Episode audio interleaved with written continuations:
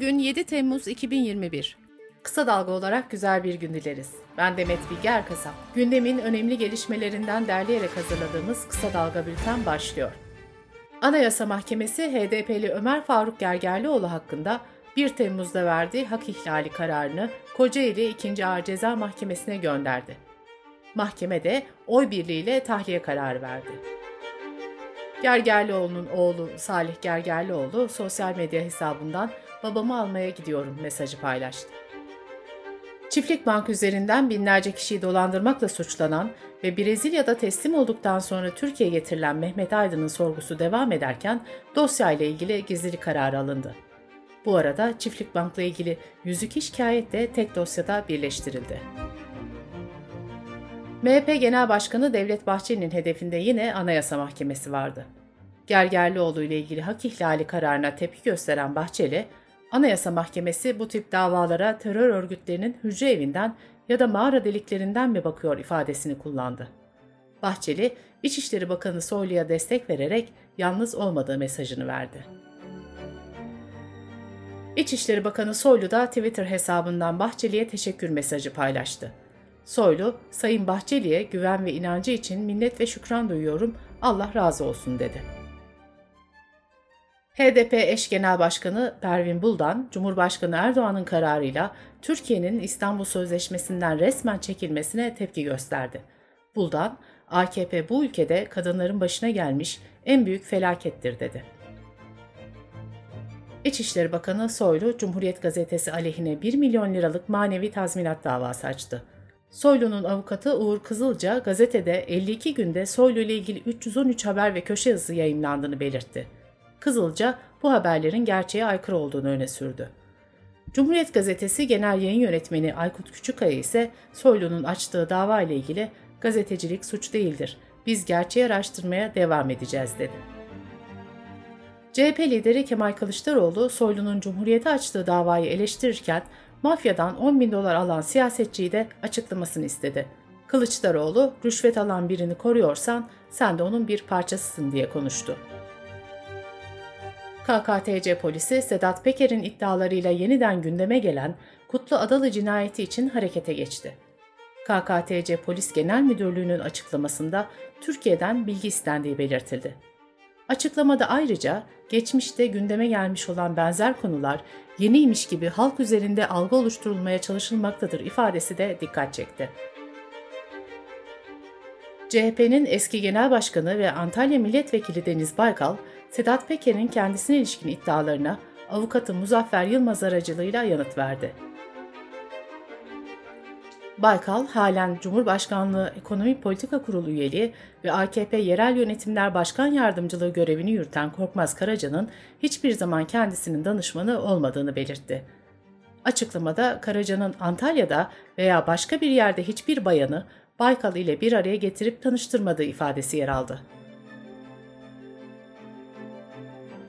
CHP Yüksek Disiplin Kurulu üyesi avukat Tuğba Torun, Yeldana Kaharman'ın ölümüyle ilgili açıklamaları nedeniyle AKP milletvekili Tolga Ağar'ın kendisi hakkında şikayette bulunduğunu açıkladı. Şikayet dilekçesinde o deliller buraya gelecek. Yok öyle ekranlarda insanların şerefiyle oynamak denildi. Tekirdağ'ın Çorlu ilçesinde sahte içkiden zehirlenerek yaşamını yitirenlerin sayısı 12'ye yükseldi. Covid-19 haberleriyle devam ediyoruz. Sağlık Bakanı Fahrettin Koca, bulaşıcılık oranı daha yüksek olan Delta Plus varyantının Türkiye'de 3 ilde 3 kişide görüldüğünü duyurdu. Koca, bu illerden birinin İstanbul olduğunu söylerken diğer iki ili açıklamadı. Sağlık Bakanlığı son bir haftada illere göre her 100 bin kişide görülen COVID-19 vaka sayılarını açıkladı. Ankara ve İzmir'deki vaka sayıları düşerken İstanbul'da arttı. Ağrı, Eskişehir ve Kütahya ise en çok vakanın görüldüğü iller oldu. Dünya genelinde COVID-19 nedeniyle hayatını kaybedenlerin sayısı 4 milyonu geçti. En fazla ölüm 621.335 kişiyle Amerika'da yaşandı. Amerika'yı Brezilya, Hindistan ve Meksika izledi. Sırada ekonomi haberleri var. Türkiye'de Haziran'da enflasyon son 2 yılın en yüksek seviyesini gördü. Ekonomistlere göre 1 Temmuz'da yürürlüğe giren elektrik ve doğal gaz zamları ile kuraklık nedeniyle artmaya devam eden gıda fiyatları enflasyonu yukarı taşımaya devam edecek. İstanbul Teknik Üniversitesi'nden Profesör Doktor Öner Günçavdı da Temmuz'da biz Haziran'ı muhtemelen arar duruma geleceğiz dedi. Akbank'ın mobil ve internet bankacılığı hizmetlerine dün ulaşılamadı. Kesintinin siber saldırı kaynaklı olduğuna dair iddialar sosyal medyada yayıldı. Bankadan yapılan açıklamada sistemlerimizde yavaşlama ve kesintiler yaşanmaktadır, ilgili birimlerimiz konuyla ilgili çalışmaktadır denildi. Petrol fiyatlarındaki yükseliş OPEC toplantısının iptal edilmesinin ardından devam etti. Brent petrolün varil fiyatı 77.6 dolarla Ekim 2018'den bu yana en yüksek seviyeyi gördü.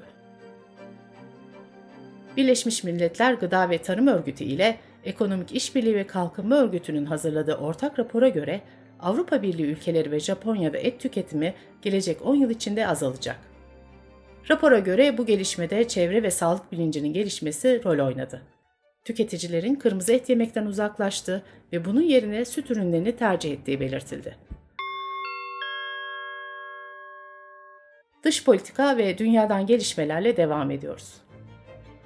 ABD askerlerinin çekilmesiyle birlikte Afganistan'da oluşan güvenlik boşluğu bölgede endişe yaratıyor.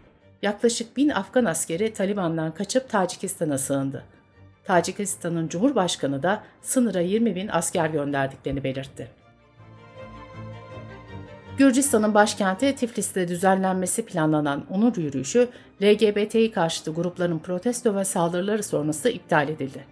Organizatörler iptal kararına güvenlik riskini gerekçe gösterdi.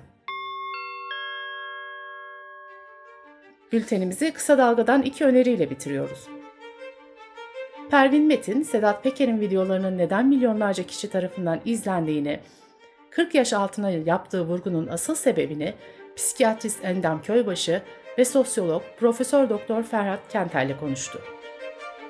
Gazeteci Faruk Eren de İçişleri Bakanı Soylu'nun AKP'de yarattığı sancıyı Gazete Duvar Ankara temsilcisi Nergis Demirkaya ile konuştu. İki podcast'imizi de kısa dalga.net adresimizden ve podcast platformlarından dinleyebilirsiniz.